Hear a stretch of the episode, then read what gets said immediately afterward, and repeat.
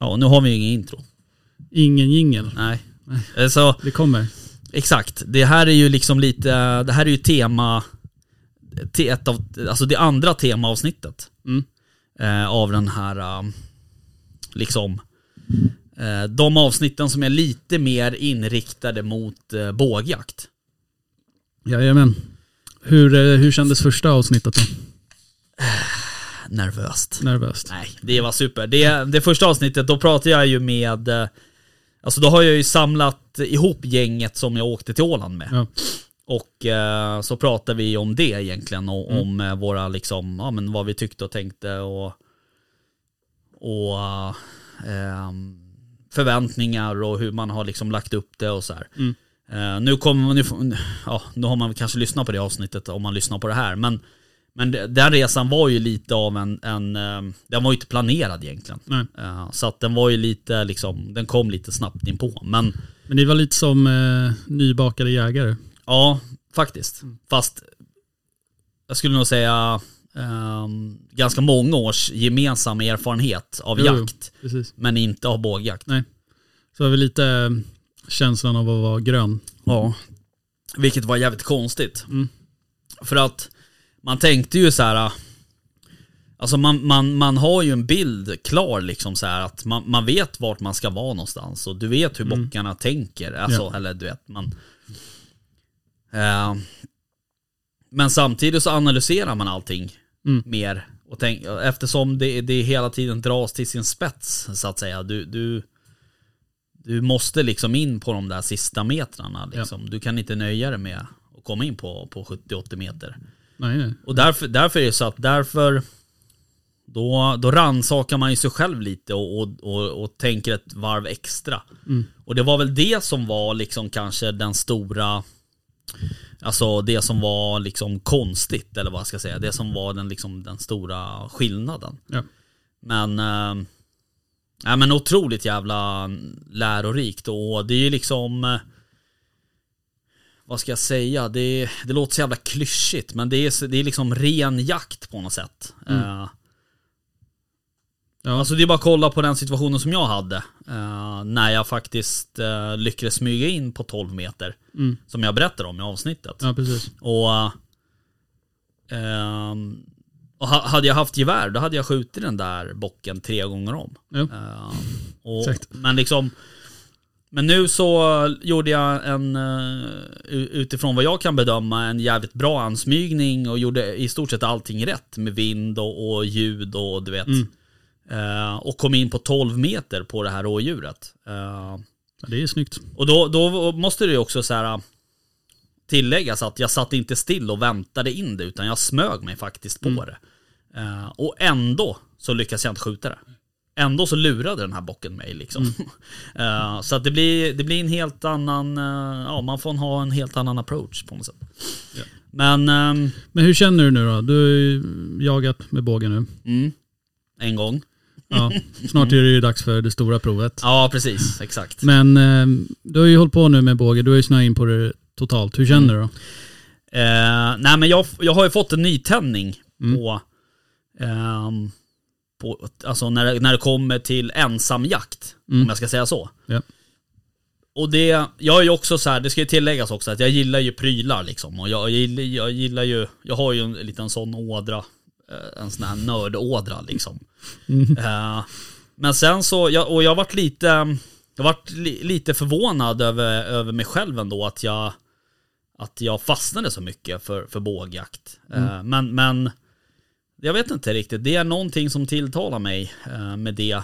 Eh, och det, är ju som jag har sagt tidigare också när man har pratat i, ja, i de vanliga avsnitten. Alltså, ehm, att det är liksom helheten så här. Du måste ha ett helhetstänk när det kommer till eh, liksom din utrustning, din liksom ja men även din fysiska liksom kondition Ja. och, och även din, det är liksom, det är lite av ett så här mental game liksom på Mm. något sätt. Ja, jag förstår. Eh, så att, eh, eh, och det är klart, det, det är ju en utmaning. Mm. Så är det ju. Eh, men, och jag har nog aldrig liksom, alltså jag började jaga 2009 och jag har, jag har nog aldrig övat så mycket Nej, alltså nej, på att skjuta nej. som jag har gjort med båge. Och jag menar skulle alla, skulle folk som är liksom inom situationstecken då vanliga gevärsjägare öva så mycket. Mm. Alltså det kan ju gå, ibland kan jag skjuta 300-400 skott i veckan. Eller pilar i veckan. Mm. Eh, och det gör du. Det är ju inte många som gör det i Sverige med en Svårt att, studsare. ha, svårt att ha råd med det. Ja. Ehm, så, så där är ju också den stora fördelen att, att liksom, ja. Att man, det är så enkelt. Mm. Det stör heller ingen och, Nej, precis. Och sen, sen är också, har jag märkt att eh, det, är det är lite som Alltså det är lite som terapi liksom sådär. Man skjuter en, en fyra, fem pilar och sen så går man fram, hämtar dem, tittar så här, hur, hur satt det där och Mm. ja, man kanske går tillbaka och skruvar lite på siktet eller antecknar något om pilen till exempel, att den har en annan vikt eller whatever liksom. Så att det är ju, det är ju ehm, Nerd. Ja men lite så. Och jag har ju liksom alltid så här. Jag har ju alltid retat mina vänner som håller på och handladdar och så vidare. Ja, precis. Ja, och nu sitter jag ju hemma då och limmar pilar och, och väger spetsar och, och sånt. Ja, Eh, ja, men det är, det är ju fullt normalt. Nej men det... Det är... ehm, det är otroligt jävla roligt och det um, ser man också till, till den här kursen. Mm. Ehm, så jag tycker att ehm, jag tycker att man ska gå den även om du liksom inte har som ambition att jaga med pilbåge. Men, För att du lär dig eh, jävligt mycket och, och alltså Ja men du vet, all kunskap är ju bra kunskap typ. Jo, exakt. Så att säga. Så att, sen så får man väl tycka vad man vill om pilbåge om man, om man nu tror att man inte har kontroll eller att det, det inte dödar eller Mm. att det är ineffektivt på något. Men då, då får man ju lära sig något liksom. Jo, att precis. Det, det är liksom det, det minsta det är, det är ett oeffektivt vapen. Nej, det är, Ja. alltså, det, kraften man släpper Ja men också är rätt imponerande. Ja, eh, verkligen. Så det ska bli intressant att se. För det kommer ju den här studien, kommer ju, det har gjorts en studie i Finland som Mm. har pratat om några gånger. Och den kommer ju, den, vad jag förstår så kommer den släppas här nu i, i vinter. Ja, spännande. Så den ska bli intressant att läsa. Och det är då de har jämfört DNA-prover på vilt som är, Eh, Ja, skjuter med, eh, ja precis. eller stress. Ja, exakt. De, de eh, eh, precis, de mätte ju någon form av stresshormon i Mm. blodet och sådär. Just det. Sen vet jag inte om det, just det resultatet kommer att vara med i den slutgiltiga. Jag antar att, att när man gör en sån här studie, då vill du ju lyfta fram skillnaderna så att säga. Mm. Och är det, är det inte tillräckligt stora skillnader, då kanske de skippar det. För då, då resonerar man väl så som att det spelar ingen roll vad du, vad du blir skjuten av. Du, du blir lika stressad om Mm. det är en pil eller en kula. Ja, ja, ja. Antar jag. Men, men eh, sen, sen det de har liksom... De har ju tagit ett visst antal djur som har blivit skjutna av gevär och skjutna av eh, pilbåge. Mm. Och sen så har de eh, mätt typ flyktsträcka. Eh, de har väl också så här hur lång tid har det, har det tagit uppskattningsvis innan de faktiskt dör och så vidare. Sen är det ju, alltså allt det här pratar man ju också om på kursen och sådär men Men eh, Alltså skjuter du ett djur med pilbåge ehm, Och nu ska jag liksom inte säga så här om du träffar rätt För det är samma princip gäller ju egentligen för gevär så att säga Ja. Eh, Men, men säg att man träffar det i de vitala delarna då, då Mm. på, på ett djur med pilbåge Eh, så blir det ju som en, alltså det blir ju en, en sårkanal som Ja. är liksom De pilarna jag jagar med de, de har ju en, en ytterdiameter på nästan 4 cm. Ja, det är Eh, skapligt stort. det, det ingångshålet har du ju inte på kula till exempel. Eh, och, och jag menar det, det, det, det, skapar sån enorm skada i det där Mm. organet så att då, du vet, den blöd, du blöder ju på noll och ingenting i stort sett. Ja. Eh, och det ser man ju också så här mycket om man tittar på Ja men om man tittar, gå in på valfri eh, streamingtjänst tänkte jag säga, men Mm. typ YouTube och sök på bågjakt.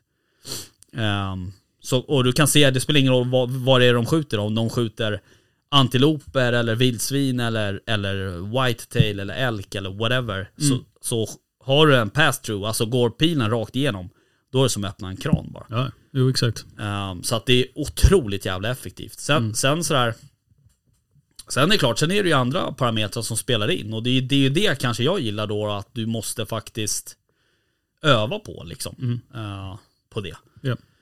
För att nå framgång. Mm. Ehm, så ehm, ja. Du får ju inte samma chockverkan. Nej, det får du ju inte. Eh, och jag vet inte, ehm, alltså nu, jag är inte någon expert på det där, men, men eh, får man, eh, är det verkligen korrekt eh, att säga chockverkan? Även med kula?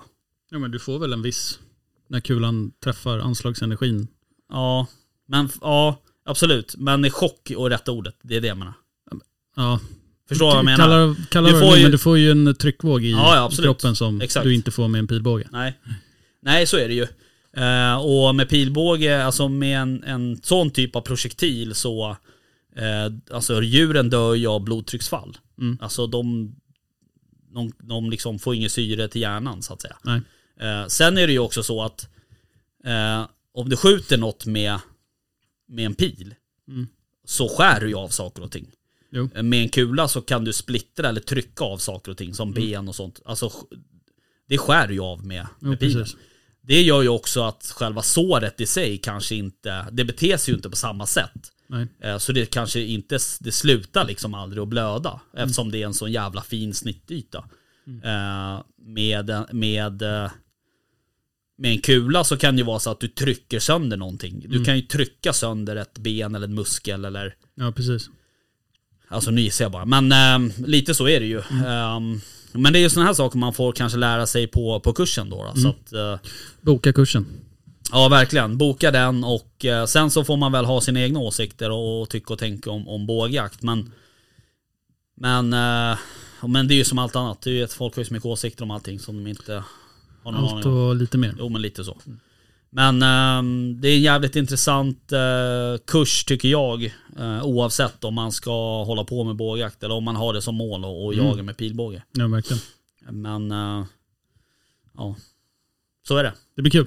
Det blir kul. Ehm, Bra. Ja, nej men ehm, som sagt, andra avsnittet då av Mm. den här...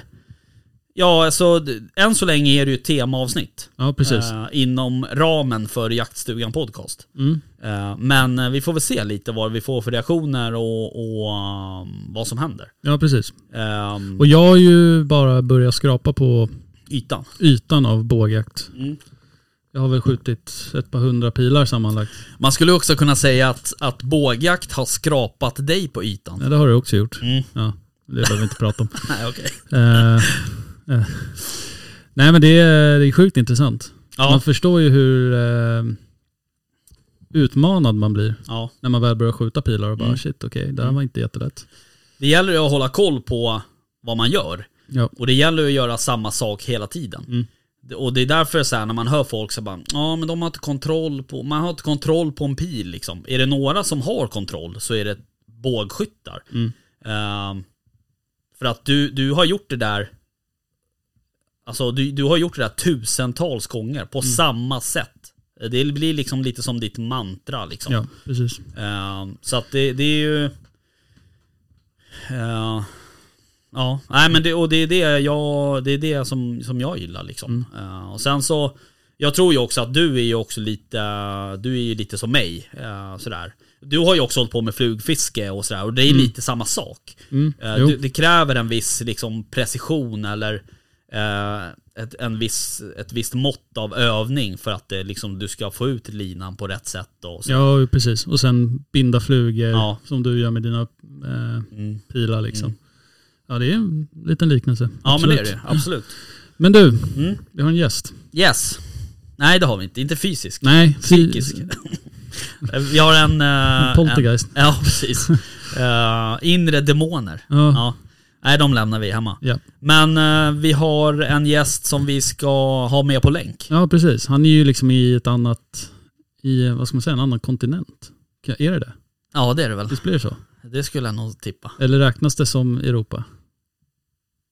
Eh, fan bra fråga. Eller hur? Det måste vi ju nästan ta reda på. Nej men vi ska ringa en kille som heter Rasmus. Ja. Eh, han är dansk. Mm. Så att vi tar det här på engelska så alla förstår. Exakt. Ja. Så nu ska ni få höra Rickards skolengelska. Ja. Eh, nej men han är ju på Grönan. Mm. Hur jävla fett är inte det? Alltså, Det är så jävla coolt. jag är så avis på han. Ja. Han skickar ju bilder till mig. Det är folk som skickar bilder Sluta till mig. med de, ja. Men eh, nej, han är ju där och jobbar som guide. Ja, Så vi tänkte vi skulle ringa och höra lite hur, hur det funkar. ja just det. Se om vi får tag på han i... Ja, Det shit ringer det i är alla sån här utomlands. Hello? Hey Rasmus! Hello, do you hear me? Yeah, I hear you. All good. I hear Perfect. you loud Good, and good, clear good. here also. Hi my, Rasmus, I have my friend Rick, Hello. Rickard here as well. how are Good you? stuff. I'm all good, guys. How are you? Yeah, we good? Yep. MVS. Good. yeah, it's hard work, but it's uh, it's it's quite nice here, I must say. Yeah. How's the Yeah, weather? not bad. Uh, just now, it's it's it's nice and clear. We're starting to get not winter, but we have a little bit of frost. And last week we had a tiny bit of like snow and sleet. Okay. but uh, but nothing on the ground yet. There's a little bit of snow like on the on the mountain tops, but that's it. All So right. nice and nice and clear weather, sunshine and and getting cold. Yeah. Okay. Cool. Well, we uh, we just told our listeners that you're on you're on Greenland, Yeah, and um, whereabouts on Greenland are you? uh, I'm living in Kangerlussuaq, which is um, yeah for for people coming outside. It's where the main airport is. So everyone going to Greenland usually comes to Kangerlussuaq at least for for a couple of hours. Mhm. How do you travel um, to, to Greenland from from Scandinavia? Scandinavia? Uh, how do you travel? Yeah. Uh, every flight I think goes through uh, Copenhagen. Okay. And then there's a yeah for for, for us guys like Danes and uh, and Swedish guys here at Copenhagen and direct flight here to Oh, it's a Kangerlussuaq. direct flight. All right. Yeah, it's a direct flight. There's Okay. only like um, I think it was four hours and twenty minutes, Mhm. so it's really not bad. Oh, nice. Yeah. So we can be there like this weekend. Let's go. Yeah, you, yeah. I have a long weekend next weekend. You can uh, you can come and see for yourself. Sweet. Perfect. I actually went to Greenland in 2017. Uh, All right. yeah. Yeah. Flew to Kangerlussuaq and then to Sisimiut. And then uh, Uh, you were doing some fishing or yeah, something like that. fly weren't you? fishing. Yeah. Cool. It's an On the Arctic amazing- Jar. Yeah. It's an amazing Yeah. place. Yeah, yeah, that's uh, yeah. It, there's some other amazing places like everywhere you look around. Sometimes you have to just uh, stop and you know just feel it or think Yeah. about you know what you're actually doing. Just look around and, and enjoy it. But tell us, uh, what is it you're doing on uh, Greenland? Well, so just now I work as a hunting guide for a trophy hunting outfitter up here. So we guide um, clients or hunting tourists coming from pretty much all over the world, and we do guided hunts on caribou or, or reindeer and uh, the muskox. Okay. And um, people come, yeah, as I said, from all over the world, but we have a lot of American clients coming. Mm. And uh, this year until now, we have had a lot of, uh, quite a lot of Spanish guys also. And I know there's some, some Danish guys and Scandinavian guys coming uh, later on in the season as well. All right. Any Swedish? I actually don't know. I don't think so, no. Okay. But uh, You'll have two yeah, next too weekend. bad. Yeah, yeah, you have two next week. sounds good. Mm. Um, yeah, so most of the time we, we go out to, we have hunting camps here around, or not around town, but, but close to Kangerlussuaq. We have three like main hunting camps that we use. Mhm. So um, the one we're using here in September is like a walkout. It's 20, 20 kilometers from town. We can drive like 15 of them and then we, we hike out to camp with all the gear and we have like, um, yeah, small cabins and stuff that has been dragged out there on the snowmobiles during the winter time. So, so all the um, all the stuff is out there, and then we we use that as a main camp for most of the hunts. Are like four hunting days uh, plus the day you arrive and the day you leave. So like five five and a half days out in the mountains, Mhm. Nice. and uh, yeah, But try uh, and it, find uh, find some animals. uh, uh, is it uh, private land in, in Greenland or or is it uh, of uh, what do you call it? Public. Public land. Yeah, yeah. So, so uh, I'll, I'll I'll try and explain this as as, as good as I can because I'm not really into all the rules because, mm, yeah, I just got here a month ago. But anyway, there's no private land in Greenland at all. Uh-huh. Nobody owns any land. So Okay. there's no. I'm, I'm I'm not even sure you own the land that the house is built on. Uh-huh. All right. Um, so everything is public. But some um, areas up here are, of course, uh, protected from hunting at all. So there's like uh, hunting free zones, big big uh, yeah areas where it's not allowed to hunt anything. Then there is some uh, UNESCO protected areas where you can hunt some things. Uh, most of these are protected because of um, yeah they have been finding uh, old uh, Inuit um, hunting camps Oh, cool. and uh, they are protected for that reason. Yeah. And then there's some open hunting areas where the um, the local people can do their meat hunting. Um, they do it just now, and they do it in February. Just Mhm. now, most of the locals they stock up on caribou, so that's uh, what they hunt now, uh, prim- uh, primarily. Mm. But they cannot do any trophy hunting. Okay. So the Alright. trophy hunting, the government up here has decided that's a um, good business Mm. um, for everybody. So the guys that does the trophy hunting, they can get um, what is called a concession area, where they have the right to do the trophy hunting. So that most of the areas that we hunt in, we are the only one that can do the trophy hunting on the muskox bull. Okay. But we can still we can still meet local hunters out there hunting for caribou. That's all right. All right. Um, so, so, so that's primarily how it works. We also hunt some of the open areas where we can can do uh, trophy hunting for the muskox, but then it's mostly um, far away from from where there's roads and stuff like that. So, not not that we need the hunting areas to ourselves, but it's always nice to for the clients to feel like nobody else is hunting Yeah, the same Yeah, area. you know. Yeah. Okay. So, So that's that's how it works. okay. So it's like, uh, uh, do you have a tag system, or or how many uh, caribous or or muskox can you take? um, like I, think actually we can take not as many as we want, but we we, we get the tags for trophy bulls for each of our clients, Okay. um, and then we have like extra tags in camp. It happens, you know, some clients shoot a muskox on the first day and a caribou, and then you know asking about uh, being able to shoot another one. Mm. I think over the duration of the season we take sixty muskox bull, um, and probably around the same caribou from these three areas. But yeah, remember that they are massive, massive, Mhm. massive areas. Yeah.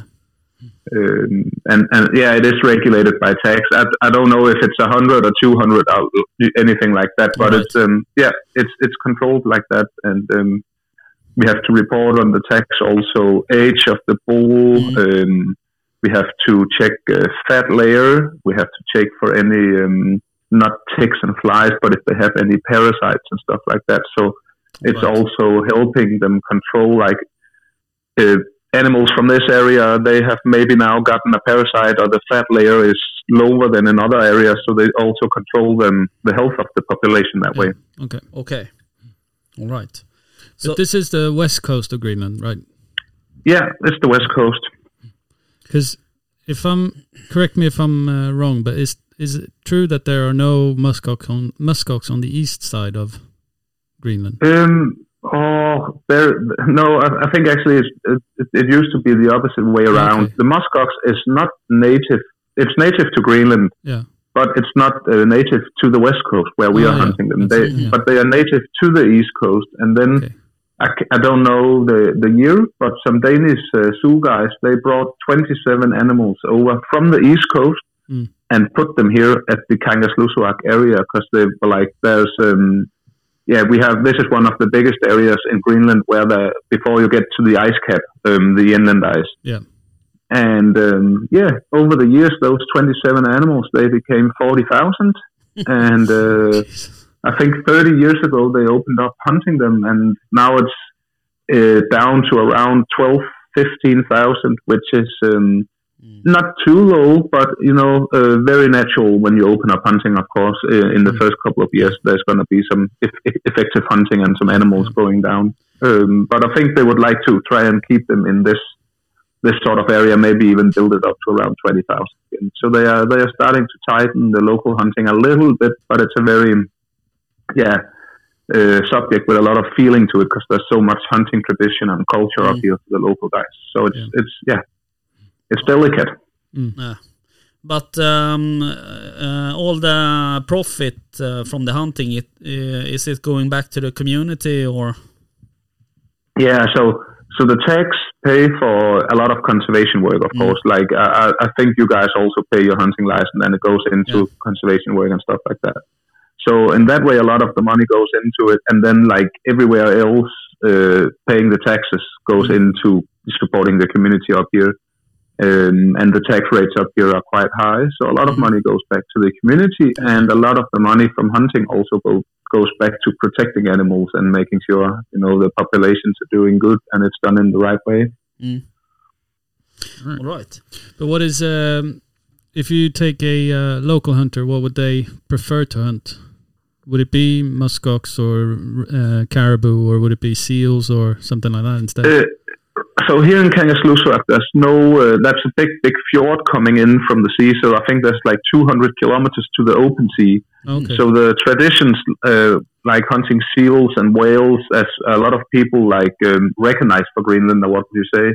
Mm. Uh, that's that's not really happening in here. Um, So in here, it's it's definitely caribou now. Um, here in the summertime for, for meat source, and then in February they have a month long um, meat hunt for muskox where they they take a lot of animals. So these guys they stock up, you know, like you see on these TV programs Yeah, from yeah, Alaska sometimes and stuff like that for their family and friends, and it's pretty much you know they rely on on these meat sources. Um, also because it's so hard to get supplies up here, everything has to come uh, via ship or plane, especially in the winter time, and supplies are just like day to day things, uh, cucumber, all these vegetables and stuff like that. It's very very expensive up here, so they they still rely, even though it's it's getting modern and they have snowmobiles and all these things. They still do rely on this uh, culture and tradition of, Yeah. of hunting their own meat. But uh, is there any kind of small game hunting? Yeah, so we have um, we don't do a lot of it, but we we some we can do small game hunting. Like like say in in the third hunting day on on one of our camps, we have all the animals. Mm. Um, and the hunters want to do something, we can do either a little bit of fishing or we can go small game hunting for um, ptarmigan. Um, the the little grouse, you guys have it as well in Sweden. Yeah. It's the white one, the the mountain uh, grouse, I think it's called, or Yeah, something like that. Um, and uh, then we hunt for Arctic hare, um, the rabbits, Mhm. snow rabbits, uh, snow hare, and um, they can do uh, Arctic fox also if people uh, want to do that. Yeah. But uh, yeah, again, it's not something we have done a lot uh, of Mm. yet. We have had a couple last week who, who wanted to do a little bit of small game hunting. All right. But uh, this isn't your first time on the podcast, No, no, it's not. no? Because uh, I interviewed you when you uh, were working for Dangate. That's true. Yeah, that's correct. So um, you're not um, you're not new to the podcast, No, no. no, that's right. So we've heard your So- uh, your voice before. Just so if anyone's wondering, That's all. That's uh, always a scary thing to to hear to hear your own voice. yeah, it is. Yeah. I don't think I was in that uh, episode. No, you weren't. No. You were working on your English then. Yeah. Tell us about uh, you, Rasmus. Uh, how did you end up in uh, in the hunting uh, world? And Uh, that's a family thing, I would say. I have um, my whole family is hunting. My dad and his brothers, my granddad, who's not here anymore, and my own brothers and my cousin. Um, like my whole family, we hunt and uh, we hunt a lot together. Mm. So I was brought up. I think I was like four years old when they started taking me out. So in Denmark, we have these um, small game driven hunts, you could call it. You guys have the the wild boar and, and the rifle driven hunts. We have um, driven hunts, rough shoots uh, with the shotgun, where we walk around the hunting area shooting, uh, yeah, pheasants, ducks, roe hare, all this kind of stuff. Um, that is a very normal way of hunting in Denmark, and I was brought up doing that with my family. So, four years old, I was out there feeding in the fields and forest um, with my dad and my granddad and my brothers, and um, okay. yeah, just just raised around hunting and fishing in the in the nature pretty much. Mm. Um, got into it, got my hunting license as soon as I could when I turned 16. Then um, after high school, I was lucky enough to to land a job as a gamekeeper and also hunting guide in uh, Scotland, where I have, Mm. have worked for a longer period of time. And yeah, I'm, I think I'm just that kind of guy. I'm not really uh, doing anything for too long at a time, but I know what I, you know, I, I know that all I do has to evolve around the hunting business in some way. So as you said, we talked uh, when I worked with Dangate, where I did marketing in the hunting business. Uh, still do that for them also when I get back from here. Mm. And um, yeah, I've had jobs in, in Scotland. I've also worked in Sweden actually on a game estate up there doing uh, Mhm. game management, and uh, been writing hunting ar- articles and all that. So so I do a lot of stuff that in, evolves around hunting, and yeah, I, I think I can can thank my family for that. It's always been to me a a, a family thing, and it still is. Um, go hunting with my my family a lot of times every year around Christmas. We have a lot of traditions. Uh, uh, considering that, do a family hunt uh, before we do the Christmas lunch every year and, and stuff like that. Okay. Nice. Nice. Cool. But what uh, what is the outfitter you're with now? Uh, who, uh, what the, the name? Yeah, the name of it. Yeah, it's called uh, Trophy Hunting Greenland. It's a Danish guy. Oh, he's a Greenlandic guy now. He has lived up here for more than 30 years, I think. Um, and he has done a lot of different stuff. Uh, of course, uh, when you have lived up here for, as soon as you, you um, get registered as a citizen up here, you can get the small game hunting license and you can go out and hunt the species I just mentioned before. Yep. And then after two years, you can get a big game hunting license so you can hunt the caribou and muskox. So he has, of course, done that for himself and his family for a lot of years. Um, and then I think eight years ago, he decided to do a career change. He has been working for the municipality up here for a long time. And uh, yeah, he started doing it uh, as a business up here, doing it commercially and uh, set it up because one of the things you have to know a lot about is both where the animals move, because the caribou have a not the big migration as you see from Alaska, but they, they do move into certain parts of um, the mountains Mm. in certain seasons, and also just um, surviving sound rough, but the getting around in the in the mountains and making sure all the clients are safe and all this kind of stuff. So of course, uh, with his own experience, uh, he, he he could do that, and um, yeah, now he's been doing that for eight years. I think he's 56 now or something like that. Okay. And um, that's that's pretty much all he do now. Mhm. Oh, nice. Right. When Uh, is the how- best? huh? You, and me. Ahead. go ahead. Uh, when is the best time for uh, for hunting? Uh, uh, if we talk rifle hunting at first. Yeah, um, it's all rifle or bow hunting. Um, just just now is a is a good time. Depends a little bit also what you want. The season starts the first of August on both uh, caribou and muskox, Okay. and it continues till the last day of October. So that's the three months where we can do um, the trophy hunting. Mm. Then, as I said, the local hunters they have some extended seasons for meat hunting and stuff like that. But we, we cannot do any business there. Um, Okay. I would say in in August where we started, we had some some really nice uh, muskox hunting, but we had a little bit more trouble finding caribou in the areas we were in because it was still so warm. Mhm. Uh, and they start moving with the cold coming in. They, uh, and they also don't like. There's a lot of flies and mosquitoes up here in the summertime Okay. and the carib- caribou hates them. So when there's too many mosquitoes, as soon as it starts warming up in the morning and the flies and that come out, they move up to the tops, tops, tops of the mountain and bed down for the day, um, Okay. where the flies can't get to them. All right. But uh, August was really nice for, for muskox. And now, with the colder weather we have had coming in here the last week, we are starting to see a big, big movement of the caribou coming down. And with the flies, they are nearly gone now after a couple of nights of frost. And that means the caribou, they stay down low uh, much, much longer in the morning. We can find them bedded down now also, you know, in the bottoms of the valley, Okay. which makes it a lot easier to get to them, with, especially with clients. All right. Uh, yeah. so, So, uh, you- now is a really good time as well. okay. Do you mix uh, bow hunters and, and rifle hunters in the same group, or how how do you how do you do So that? until until now, we have actually only had one client uh, bow hunting, Okay. um, and then I, I did my own also. But yeah, the the client bow hunting, he was with a, his friend from back home who was a rifle hunter, and um, the deal just had to be um, if we were approaching some animals. In this case, it was muskox. Um, and we could see like now we, we cannot get to these with the bow. Then his friend uh, could have the chance with the rifle All right. and uh, we we could just keep uh, you know trying with the bow another day or something like Mm. that. So the first, I, and I had him in my group. So the first uh, muskox we came into a really nice old one unfortunately, he was bedded down in the back of a big group, and we got within bow distance of the first part of the group where there was cows, but he was like 50 meters behind them, and that's a long, long distance Mm. with the bow. So Yeah. he was he was too far. And um, the cow, we we laid there for 20 minutes just waiting for them. Hopefully, he could move closer. But then the cows were starting to pick up uh, our scent Mm.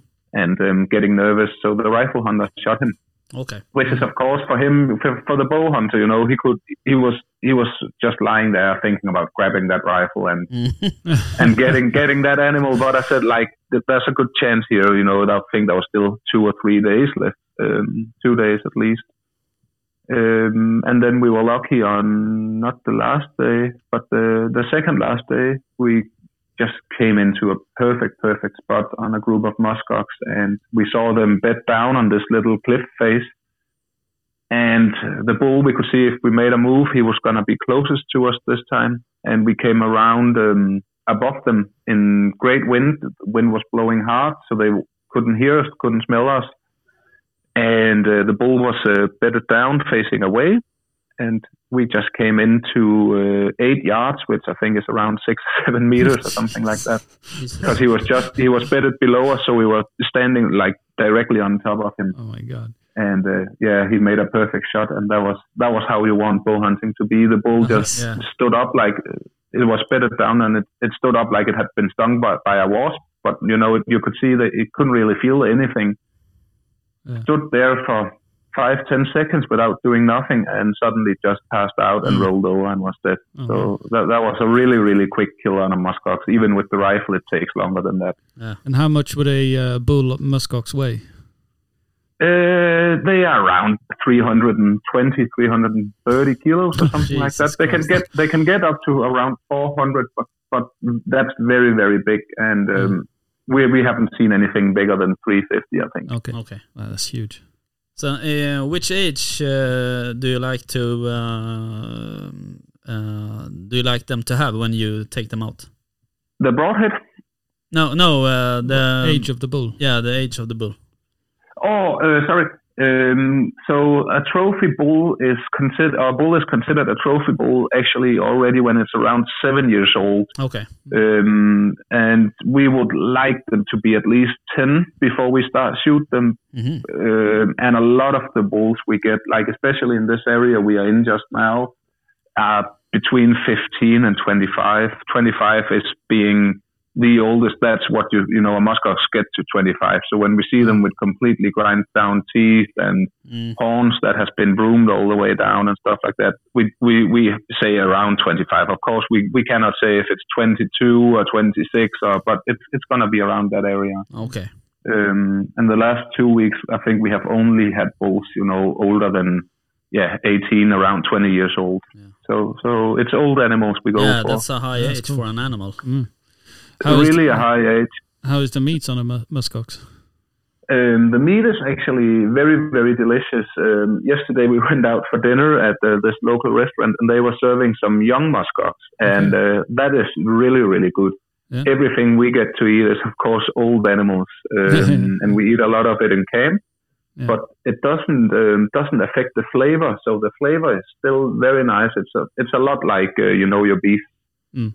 Um, beef meat, uh, but grass fed. Yeah. Um, but of course, it's it, it's a, uh, a little bit chewy with these 20 year old animals. So for steaks, even the the back strap, the back fillet uh, is not that great for steaks. So we made a lot of uh, we make a lot of like goulash and stews with them. All right. Throw it in a pot and do bolognese or mince it up for lasagnas and stuff like that. But the, the taste is real nice. Oh, nice. Is there a lot of fat on them? Yeah, yeah. I think uh, right now on the bulls, uh, they have just been in the rut now, so they have lost a little bit of condition, but not that much. But you can easily on the on the back legs, on the top of the back legs, there can be six, seven, eight centimeters of fat on them. Jesus. Nice. And they actually a lot of wild game, uh, you'll know that don't have the marbling, you know, the fat Yeah, inside yeah. the meat. But these guys do, so it looks Oh, like wow. yeah, it looks like a really quality piece of uh, beef. All right. But they're a very com- compact animal, aren't they? They're not very tall. Very much so. No, not tall at all. They have uh, very little legs, and uh, uh, yeah, they are they are actually a little bit funny looking, fantastic looking also. But Yes, so, uh, so they're like uh, Rickard. right? You haven't seen him, so No. no, He doesn't No, get the joke. no. they are really not that tall no, um, and it's yeah, just just squished together, you know, very heavy. Uh, Yeah, it sounds like Rickard. like yeah. a, I would say like in, of course they are bigger than a wild boar, but the, like the proportions is very much like Oh, a big uh, Yeah. like a big male uh, wild boar. but a lot hairier as well. Yeah, a lot hairier. Yeah. So how do you yeah. do when you if you shoot uh, uh, muskox uh, uh, high up in the mountain? Say, uh, do you cut it up or or do you have a like a four wheeler or something come and get it? How no, no, the, the all the places we hunt in, you cannot get any uh, any four wheelers or anything Okay. out there. It, it is like mountain stuff. So um, we cut them up in the mountains Mhm. and uh, skin them as the client wants to. Um, a lot of the clients are doing shoulder mounts, so we Yeah. take that off. Mm. And um, actually, even uh, also like most of the people doing shoulder mount, they keep the back skin for tanning to use it as a rock. Um, so we, we carry that home and um, we cut the cut the meat up up there, take Mhm. the back straps and and uh, all the shoulder meat and the back legs Mm. and um, yeah, then I uh, usually uh, debone it and uh, yeah, as as good as I can, I put the clients to work. Some of them have done stuff before, you can see, and are very handy with the knife and want to help, and other guys would rather just sit and watch. And I guess that's how it is Yeah. so it uh, there's always a lot of work involved with it. With it, like from when you shoot a muskox till you start walking again, it's at least around two hours uh, Mm. work on on the animal, and then we we pack it down on yeah in in backpacks. We use we use these. I don't know if you know about pack frames. Yeah.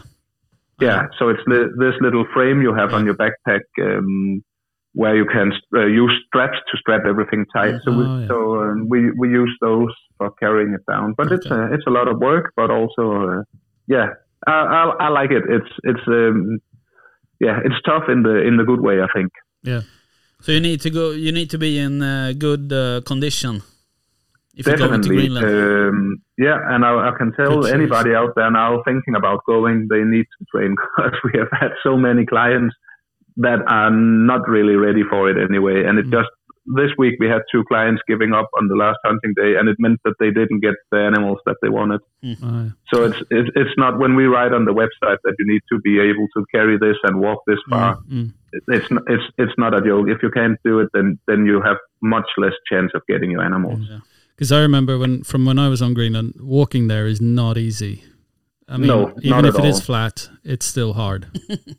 Yeah, it's it's hard because everything is soft and there's a lot of these big uh, grassy lumps everywhere, Mhm. and uh, that is especially I've uh, heard that heard that a lot from the American clients that they don't have anywhere to prepare for this. No. So a lot of them come and they have actually done a lot of training and they have been walking, you know, with the rocks and weights in their backpacks, and they have you know done a good job getting ready, Mm. But they just can't prepare for the the kind of terrain here, so they still have a hard time. But um, There's yeah, a lot of, getting like- getting There's a lot of thorny bushes as well. That uh, Yeah. yeah, Yeah, we have a lot of uh, willow uh, willow bushes in the areas that we hunt, and it gets thick. So, like the most annoying thing wi- with it is actually like tripping over or getting caught on them or something like that. Especially when you have a lot of weight, you need to be careful not falling down. Yeah. They they tore my waders to pieces. oh yeah, around the around the rivers and lakes where there's water, there's some thorny ones. Yeah, that's Yeah. right. Uh, is there any um, like regulations uh, concerning the the bow if you want to go there uh, as a bow hunter, like draw Uh, draw weight or or special broadheads Yeah. or Yeah, there is there is a little bit, but it's actually not it's not uh, not a lot. Um, so you can only hunt the caribou and the muskox with the bow, and it, I think it was it's not that many years ago that they they made it legal. okay. And um, for the muskox, you need to have a minimum draw weight of uh, 60 pounds Mm. on your bow, and um, the broadheads have to be uh, not mechanical, Okay. so you cannot use mechanical broadheads. All right. And uh, I would recommend anybody coming to use uh, cut on contact broadheads, like um, broadheads that are sharp all the way out to the point, so you Yeah. so you get that penetration on the muskox, Mm. because that is uh, very important with the with the thick uh, skin. Mm. Oh, yeah.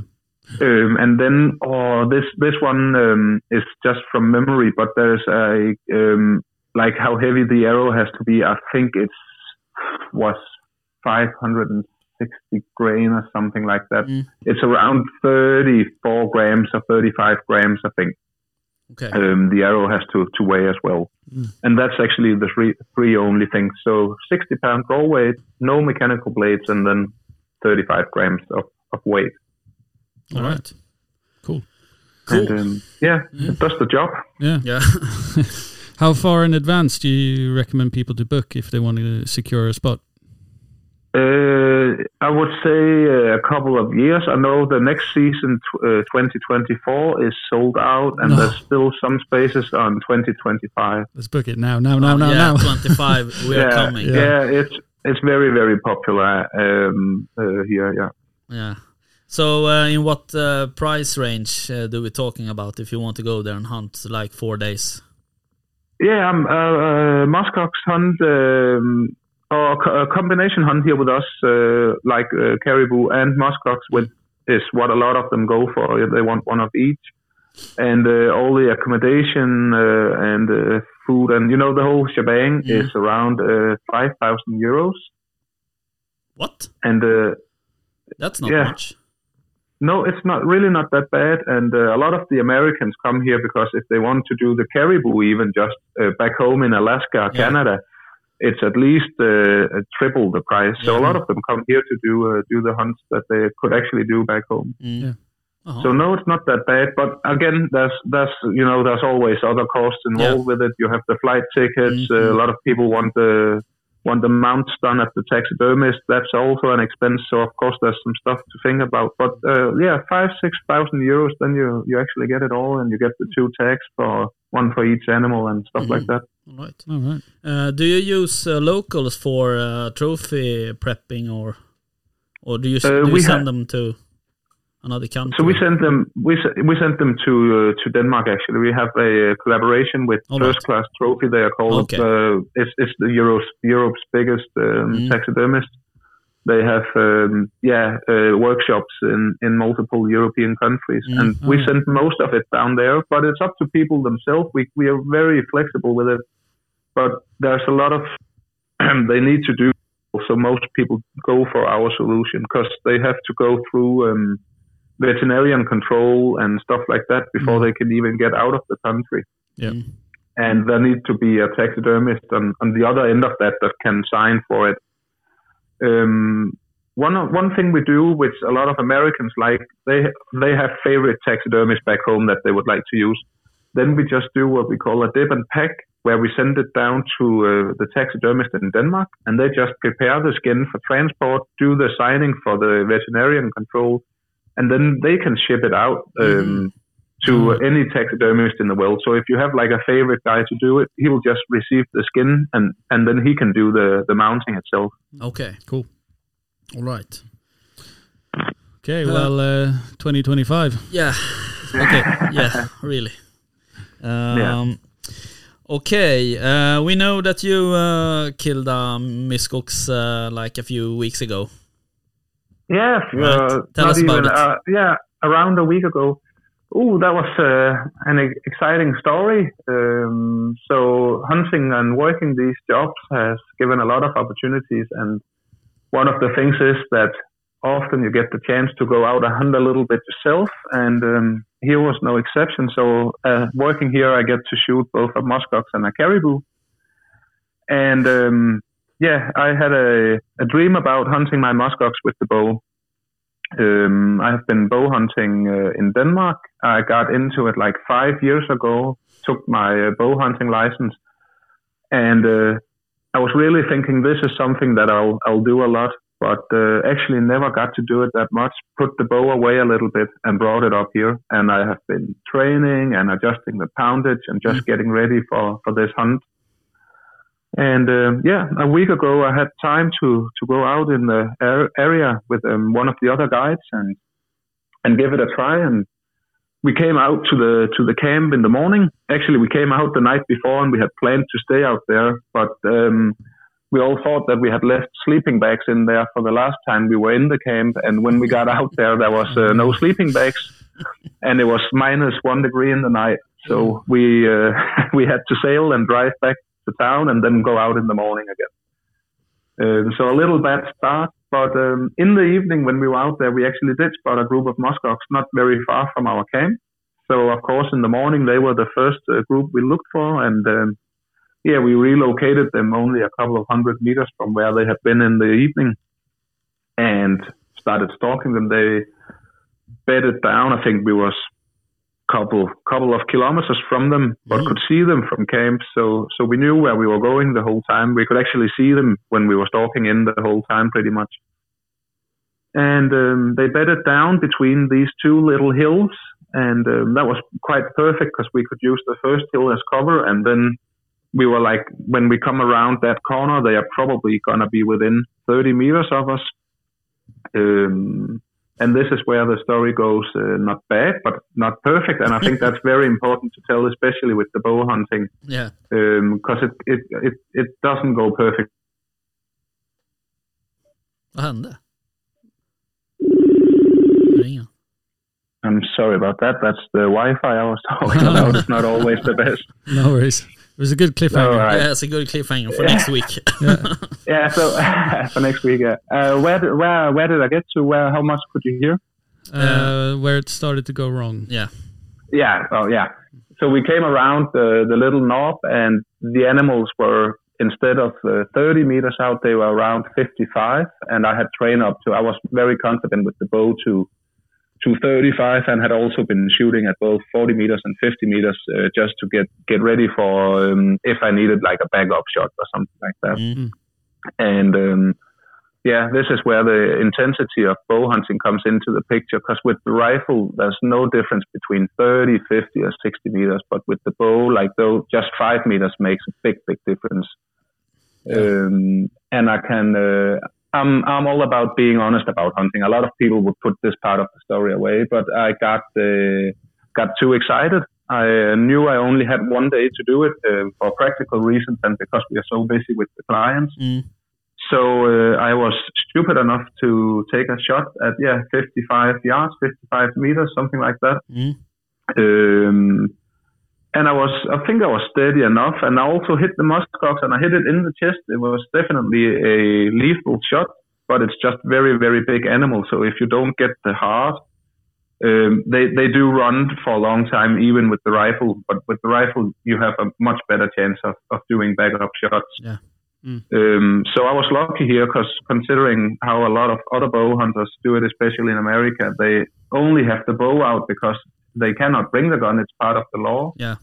Um, and then, you know, this would have been a long, long search, but I knew I had the rifle right there uh, by my side. So I just, yeah, didn't really care about shooting the muskox 100% with the bow. I would rather just put it out, uh, you know, put it down as fast as I could. So as soon as it started running and I could see the arrow was maybe, you know, just had taken one lung, um, I picked up the rifle and, and shot it a couple of times there. And, and yeah, I got it. And um, when we got up, the, the arrow was there. It had just cut one lung and it had hit a big artery. So there was quite a lot of blood, but like still, it could have taken half an hour. Yeah. And uh, yeah, I'm, I'm much more into just getting it done as, as quick as possible, especially when I have the rifle lying right next to me. Yeah, That's So um, yeah, it's it's that was um, a lesson learned. I've, I have hunting. I've been hunting a lot with the rifle and feel like I can can control that. But bow hunting is so intense, and I Mm. can honestly say I just got uh, I got too excited and, and made a bad judgment call.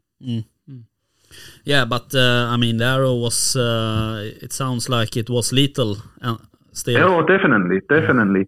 Um, as I said, uh, in America they would have uh, left it to, Yeah. to say, you know, this is a bow kill, but Mm. uh, I, I, yeah, I just I, I'm not in into that. So So how's I the just finished it. uh, how's the what do you call it? Aut- autonomy, uh, anatomy. anatomy, anatomy. anatomy. how's the uh, anatomy so where on a everything is muskox? placed. Yeah, so the anatomy is, is very much as we know it from, from deer. The the Mm. heart just um, just behind the shoulder and uh, always a little lower than people think. No. And then of course you have uh, the lungs uh, on top of that and going backwards to the to the diaphragm like mid body. Mm. But what is what is hard about the muskox, and we see that nearly every week when people try for a heart shot, is they have um, if you like imagine the line of the belly, or if you imagine a, a wild boar with long hair, the hair is touching the ground. So a lot of people think the, the body starts much lower down. Oh, okay. Yeah. So when so when they try to shoot for, for a hard shot or just even a, you know a, a low shoulder shot, uh, quite often they just hit the chest bone or even just hit through the fur because the coat is hanging all the way down, so you cannot see where the body actually starts.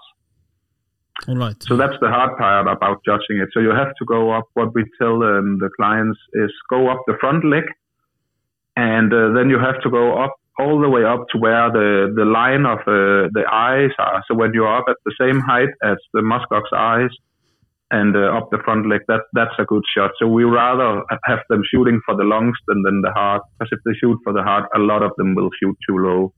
All right. All right. Um, Uh, yeah. That's good to know. Yeah. Okay. Um, approaching an hour. Yeah. but how how did Yeah. you um how did you feel when you came to your muskox, knowing you shot it with your bow?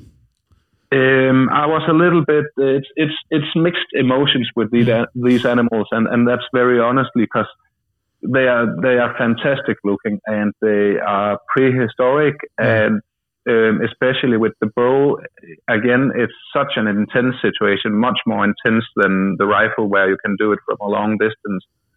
And um, even the stalk up is so intense and then get seeing it go down is a big uh, relief. Mm.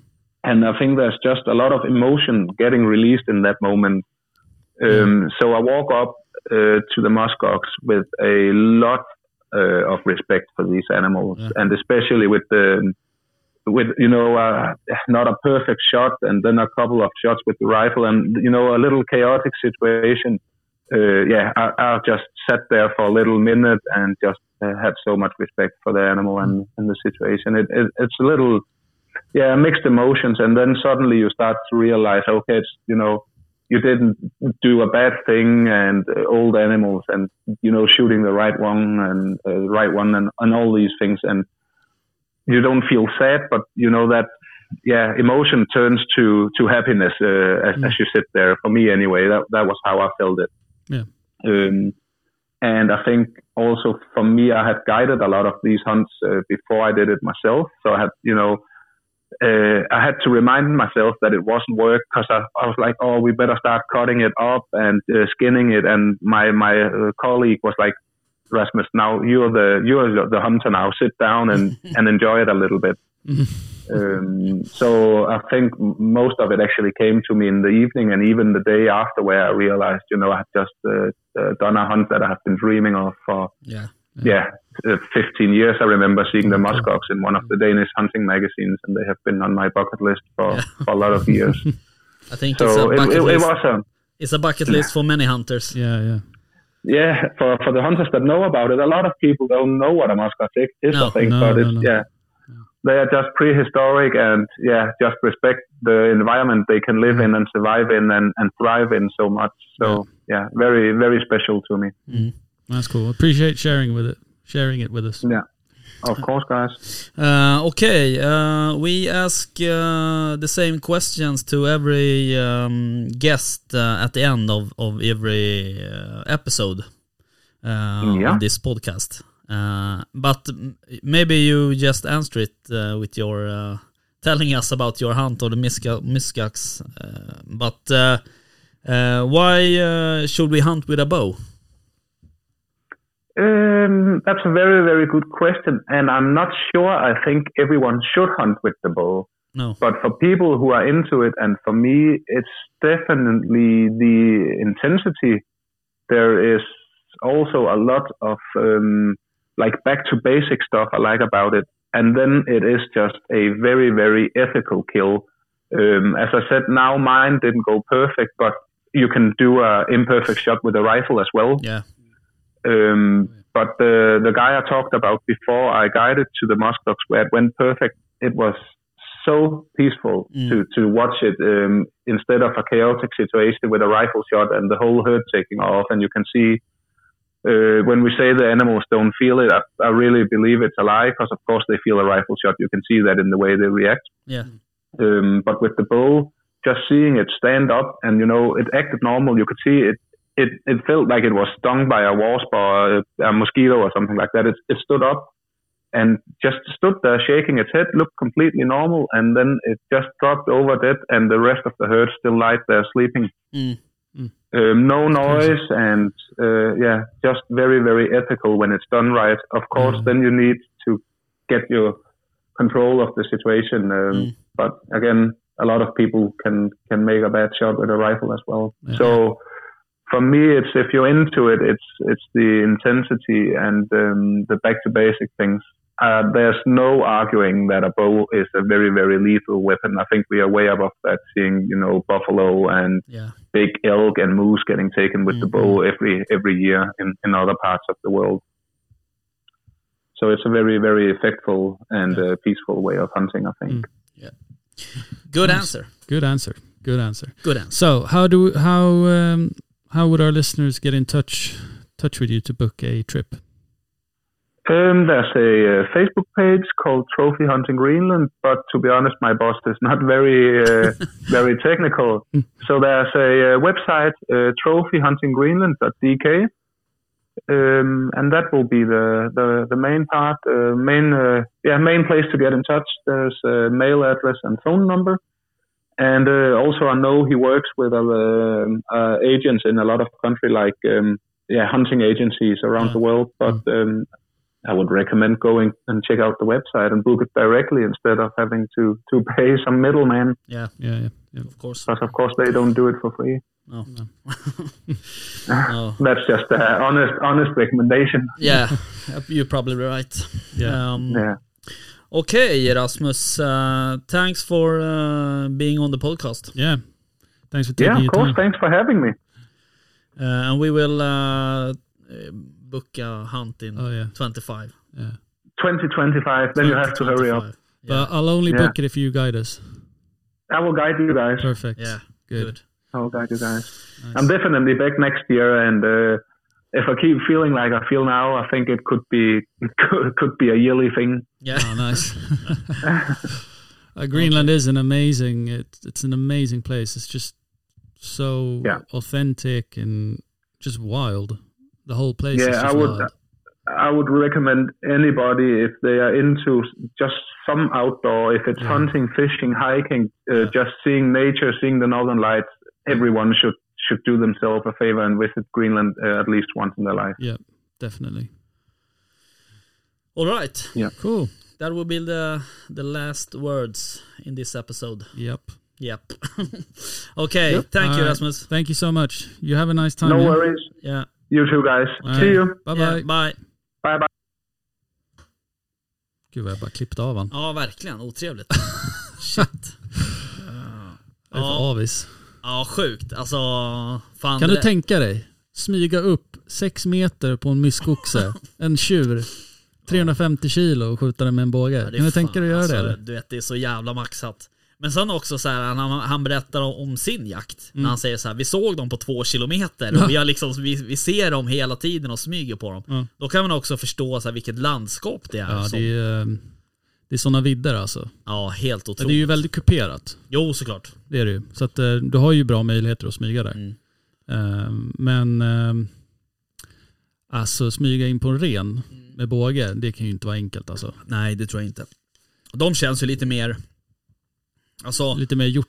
mer hjort, Ja, hjortdjursaktiga liksom. exakt. Men jag menar myskoxen, de klumpar väl ihop sig och bara Ja, använder sig själva som en vägg liksom. Ja, absolut. Sen vet jag inte, nu glömde jag fråga det, men, men jag vet inte om de, alltså finns det risk för att eh, de faktiskt liksom går till attack så att Mm. säga. Alltså att de försvarar sig. Eller försvarar liksom, Ja men det är en kalv med där. Ja, Då precis. kan man ju tänka sig att de gör det. men ehm, Häftigt alltså. intressant ändå att de har eh, så speciella liksom regler när det kommer till eh, vem som får jaga vart. Ja, Och, exakt. Att de faktiskt har, för det, det är också så här, det är faktiskt ett tecken på att det här med troféjakt, om man nu ska använda det uttrycket, att det, det funkar. Det är, det är liksom en ekonomisk modell. Ja, precis. Eh, som eh, liksom djurlivet faktiskt tjänar på. För jag menar, här, i, på, på Grönland så, uh, han berättade ju det att de, de har ju vissa delar och vissa landområden där de, där liksom eh, invånarna får jaga för köttkonsumtion så att säga. Sen har de ju andra områden där, där, de, har, där de bedriver troféjakt och jaktturism. Ja. Och, och de områdena, de... Eh, vad heter det? De tjänar, liksom de eh, tar ju in eh, pengarna så att säga. Mm. Alltså de, de, Ja men precis. Det är ju liksom fiske och ehm, alltså turism ja, som man tjänar på. Alltså det är ju där pengarna finns Ja. i Gröna liksom. ja, Det är ju inte så att du sitter och kör något liksom, nej. eh, vad heter det? Ah, det här gick jättebra. Mm. Jag är helt slut i huvudet. Mm, ja, jag kände, jag kände samma sak faktiskt. Eh, nej men jag förstår vad jag menar. Ja. Det, det är ju... Du håller ju inte på med någon liksom bokföringsfirma Nej, nej, liksom. Och, nej. nej. Och det är som han sa också, så här, grönsaker det är ju svindyrt här liksom. Mm. Så att de, det är. Men det fanns absolut vodka där. Ja, det är bra. Det fanns. Ja. Eh, nej, så det, det är ju en intressant... eh, men det har liksom aldrig... Alltså jag, har aldrig slagit mig att det ändå ligger så pass nära. Det är bara, bara men alltså fyra timmar med flyg. Mm. Eh, Det anses ju ändå ifrån Sverige sett en ganska kort flygresa. Ja. Alltså, Alltså det var ju skitsmidigt att åka dit. mm. Det var det ju verkligen. Ehm, flygbiljetterna dock, de är inte billiga. nej nej. Men ehm, alltså, det finns ju det här Air Greenland. mm, Och som flyger då från eh, Köpenhamn mm, och till Kanada då. mm, Ehm, men det var ju skitsmidigt. mm. Eh, sen så, eh, sen är det ju, vä- alltså, du har ju ett annat väderklimat där som gör det svårare. Och Ja, jag vart ju försenad liksom åtta timmar för Mm. att det var för tjock dimma liksom, Ja visst. eh, när jag skulle flyga hem. Men det är också en del av landet. Alltså, Ja, det, är ju, det är ju vilt verkligen. Ja visst. Det är så otroligt häftigt. Men det jag, ty- det jag gillar är ju det här att det är liksom, mar- marken är fri. Ja, Så att är du i behov av kött, då går du ut och jagar. ja, Och du får göra det. ja. Alltså det är så här, det är coolt. Ja det är fan, det är, och det är coolt att det funkar också. Mm. Alltså, det är just sku- att det är, det är ju för egen konsumtion. Ja, Det är ju, för, det är ju inte för liksom, eh, alltså du, du skjuter ju inte massor med djur. Du Nej. skjuter det du, du konsumerar. du har plats med i frysen för, för vintern liksom. Mm. Så det, det är läckert alltså. Ja, jävligt häftigt. Ja, vad kul. Ehm, det är alltså, det är jävligt, för mig i alla fall, är det, eh, är det lätt en, en, liksom, en, en bucket list jakt. Alltså det är ingen snack om saken. Utan eh, snart ska vi dit liksom. Ja. Jag fick en del bilder. Det här. är sant, Ja. vill vi se dem? Eh, nej men det är otroliga, otroliga bilder. Shit. Var det där den han sköt? Jag vet inte, men uh, skogs i alla fall. Men det är så flummiga djur. Alltså det, är så här, det är ju verkligen uh, istidsdjur liksom. Som finns kvar i, i världen. Ja. Ja men det är ju verkligen så. Eh, ja, för vet alltså den här bilden som, som du skickade till mig först, den här när Ja. han sitter bakom och man ser hela vidden och fjorden och Mm. Alltså snälla rara. Ja. Ge mig. Ja, verkligen. Ja, otroligt. Jag har ju vildren som står liksom. Ja, ja, det absolut. står ju extremt Ja, högt ja. för mig. Men då är det ju också så här, åker du, alltså sparar du ihop och du, du lägger in den liksom, det du behöver göra i form av liksom träning och Mm. allt, hela den där biten. Och du faktiskt kommer dit och skjuter en ren eller en myskoxe, då vill du ju fan göra ett bokomontage. Ja, jo, exakt. Men jag tycker kostnaden för det här liksom exotiska jakten, den är inte så hög. Om du jämför Nej. Alaska, det är ju, Ja, eller ja, Ja. British Columbia, whatever Ja, liksom. nej precis. Det är ju bra mycket dyrare. Ja men sen så får man ju se också till vad du Alltså jag och jag liksom om jag jämför med Frankrike-resan till exempel Mm. Så är det så här att du, du, man får ju se det också, det är ju inte bara jakten utan det är ju liksom Du är ju där ett visst antal dagar och upplever den kulturen och så Mm. Ja. här. Ta med flugspöt. Ja ja, visst, så att jag menar det är ju Och jämför du då kanske en resa till Afrika Mm. Där du, du kanske är ungefär samma pris Kanske till och med lite billigare Mm. Och du är där sju dagar Alltså Jo, det är rätt precis. mycket jakt för, för det Men nu kanske jag gissar lite bara, men där får du ju ganska mycket serverat. Ja, det tror jag också. Det får du ju inte på Grönland. Nej. Där ska du ju liksom gå. Mm. Du ska vara Men med där- och bära. Ja, precis. Och åker man till Grönland, då är man ju ute efter kanske att vandra liksom Mm. och, och hela den här, alltså nu pratar han om att de, att de har camps och så vidare. Ja. Och då vet inte jag vad han menar då egentligen, om han menar tält eller om han små stugor och så. Nej, men det är han, väl småstugor ja, han liksom, sa ju det förresten. Ja. Ja. Och jag menar, gillar man det och det kanske, du kanske kan till och med få ett sånt upplägg så att du tältar eller du vet Mm. så här, om man tycker det är... Ja. Alltså det blir ju en, det blir en helhet på Mm. något sätt. ja, för det gjorde ju vi när jag var där och flugfiskade. Då Ja. tältade vi. Ja. Det var bara tältcamp Ja. som vi var på. Ehm, och det, alltså det var så sjukt bara häftigt. Ja, Liksom. Och jag skulle ju hellre åka till ett sånt här ställe än åka till Afrika. ja. Där liksom jag blir utkörd. Mm. Ehm, och någon annan liksom, vad ska man säga, typ håller bössan. Mm. Så kanske det är men Nej, kanske inte. Eller ja, så är det väl på vissa ställen. Men Ja. Alltså det är klart att du kan få, liksom, vad ska jag säga, autentisk jakt i, i Afrika också. Mm. Men jag tror ju däremot att, att den här Grönlandsjakten är ju, den är ju krävande på ett helt Ja, annat precis. sätt. Tror jag. ja. Och jag menar när han säger det så här att jänkarna, eller förlåt amerikanarna kommer dit och inte riktigt klarar av det rent fysiskt. Mm. Då ska man ju veta att de som, många av de som håller på med jakt i USA sådär, eller alltså de som verkligen går in för det Mm. och jag åker på sådana här typer av resor. De är i fan, alltså det är träningsfreak liksom. Ja. Alltså de tränar ju så in i helvete. Mm. Eh, och De framförallt bågjägare. Ja. Ja, och de har ju också den, när de jagar typ elk och, och whitetail så här på public land så här, det är Mm. mycket, det är ju mycket att de packar upp djuret och sen bär ner det Ja, liksom från berget. Så att den biten har de ju med sig. Men Mm. sen att, att liksom klimatet eller sådär är helt annorlunda eller mycket mer påfrestande då kanske. Mm. Men eh, så jag tror att, att det, det kan nog säkert, alltså du, du, du kan säkert få en krävande jakt i Afrika också, det är ingen Jo, snack om det. Men, men här, är ju, här finns det inga alternativ. Nej, Utan här är, det- så här är det liksom. Mm. Så att, um, ja, jävligt häftigt. ja. Um, Men vi eh, bokar. ja men alltså lätt, det är inget snack. Um, så nu, vad sa han, 25, 2025, ja det är Mm. två år. Ja men alltså varför inte? får åka och bara på boka. någon så att de bokar av 2024 och så kör vi. Ja 2024. men jag har lite annat inplanerat 2024. Såklart att du har. Um, så att, ja jag, det har du också. Så att, Som vadå? ja det kan inte jag berätta Nej, förrän du har tagit borgarexamen. Jaha, ja. Det ska jag göra snart. Ja eller hur, det sa du i mars också. ja, nej, Ja. ehm, ja men så är det. Och Mm. vi eh, har ju faktiskt, uh, apropå det, så har vi faktiskt en, eh, en uh, poddvän som tog ja, borgarexamen i helgen. Ja just det. Och även eh, poddgäst. Samma person. Mm.